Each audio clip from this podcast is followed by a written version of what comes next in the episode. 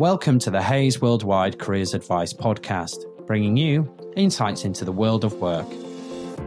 In this series, I'll be talking to experts to give you practical tips and advice on careers. I'm your host, John Beasley from Hays, the world's largest specialist recruiter.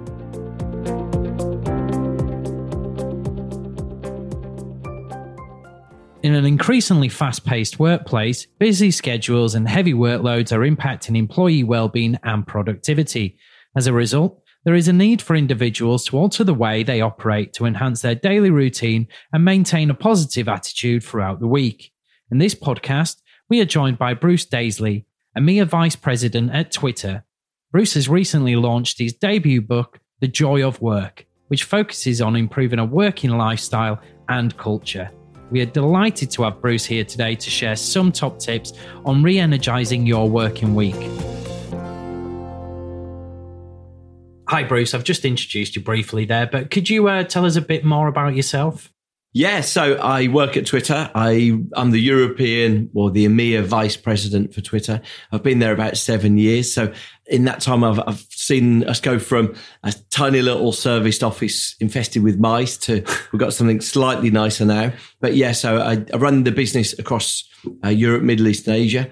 Uh, and Africa. And uh, I guess, you know, from my perspective, during that time and, and in my previous time running Google, I've just become uh, sort of workplace obsessive, really. So I guess my, the reason why I'm here is that I was just really interested in the work cultures that I was in and what made some of them special and some of them awful. And so I've just spent the last two years, firstly doing a podcast, now sort of writing a book, just trying to understand what makes those magical teams and what, what makes certain teams special. The world of work is constantly changing, and I'm sure many of our listeners feel that their working lives have been increasingly busy and demanding. What do you think is driving this? I imagine technology is a is a big part of it. Yeah, it's a really big part of it. I think you know since the arrival of email on mobile phones, and I recognise a lot of people that was just a factor of life, but some of us lived through that era during that transition, the average working day has gone up by two hours a day. So the average working day has gone up from seven and a half hours a day to nine and a half hours a day. The consequence of that is just people are being pushed far closer to what their their capacity is. Sometimes when you look, the, probably the, the best piece of work looking at what the total ca- capability of the human mind to do work is suggests it's around 55 hours work a week. Right. And I know that when we hear stats like that, we think, yeah, that's everyone else, but that's not me. But generally, when people have done a big sort of set of data, they've found that if you work more than 55 hours a week, then it tends to be this diminishing marginal returns. So, so each hour you work, actually the total amount across the week goes down. And you'll recognize that you're exhausted. You, you, you don't feel that you're the freshest that you were on Monday morning.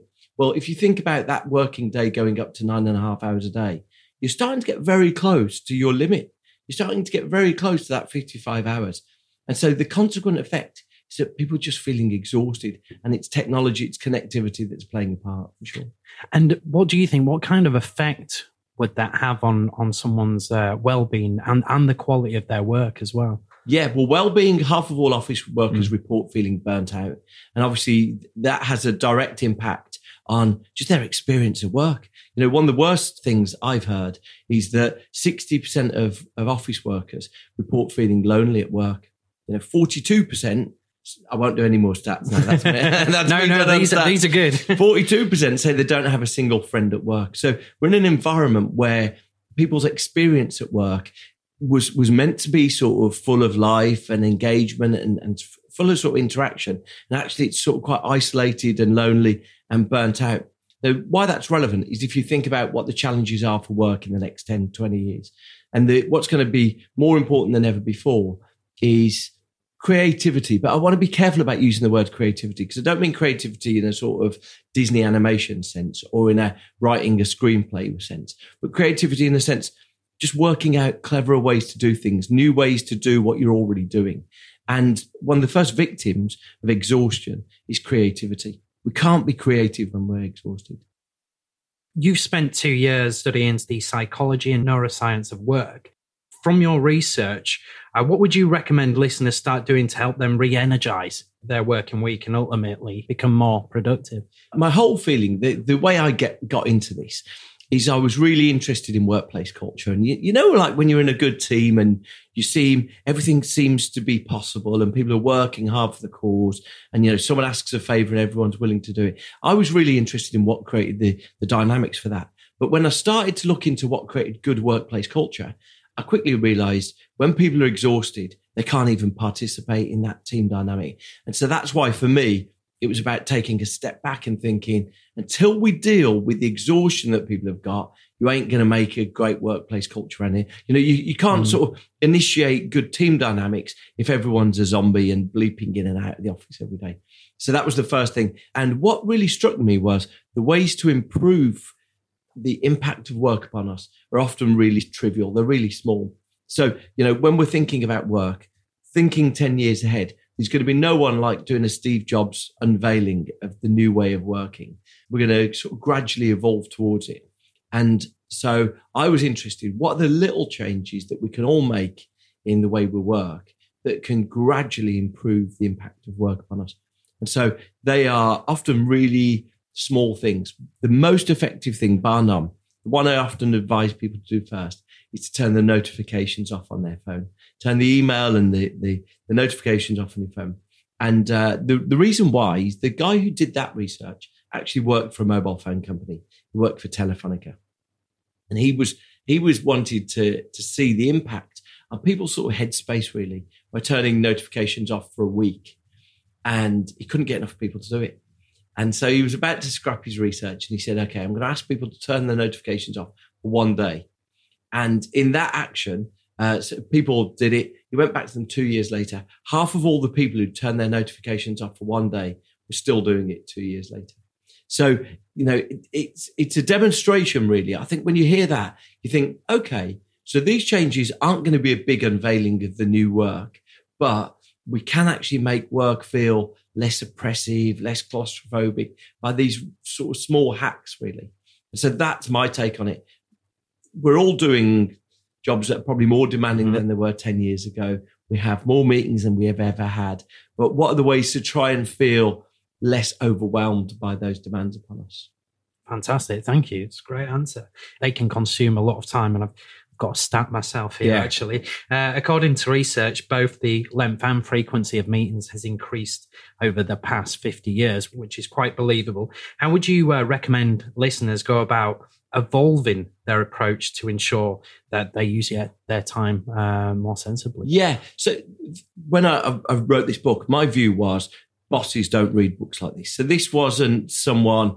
Uh, this wasn't like a mantra for for bosses to try and improve work. So my feeling was, how can the rest of us sitting in meetings, how can we try and find a way to change the way we're working?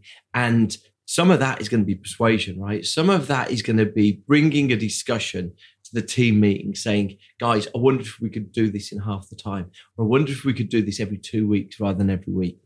Probably the best evidence for that then is sort of bringing along articles and you know, maybe even a TED talk or a video, something where people can watch it. Maybe it's on a team away day or when, when you're sort of sitting there thinking about next year and you sit there and you say, okay, maybe if we change the way we're doing meetings. One of the best things I saw is a big utility firm contacted me and saying they're introducing technology where before every week's meeting, they send a little voting form out asking, do you have anything big for this week's meeting? If not, should we cancel it?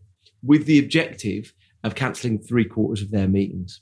Because if you give people space to get stuff done, they often find that they're far more productive. Yeah, that's so, a great idea. I know, I know. and, you know, I, I think the, the problem is so much of work is permeated with guilt, right? So you go home and you haven't answered 40 emails and you didn't get back to that person and you think it's your fault. So you find yourself ruining that hour of TV that you get by typing out an email on your phone.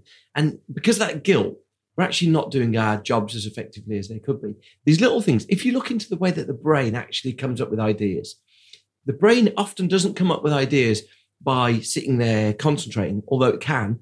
Deep, deep work's really important. But often ideas come when you think about something and then you give your brain time to, to relax. It's sometimes called the default network. So it's mm-hmm. the, like this the daydreaming part of your brain. It's why daydreaming, albeit it's been squeezed out by all the things we fill all our waking hours with. But the daydreaming part of your brain can be incredibly satisfying just sitting out a window and staring at things. And as soon as you recognize that the default network, that daydreaming is really powerful, um, often people notice, oh, I'm getting really good ideas there. My favorite thing is Aaron Sorkin, the guy who wrote The West Wing, yep. he wrote The Social Network.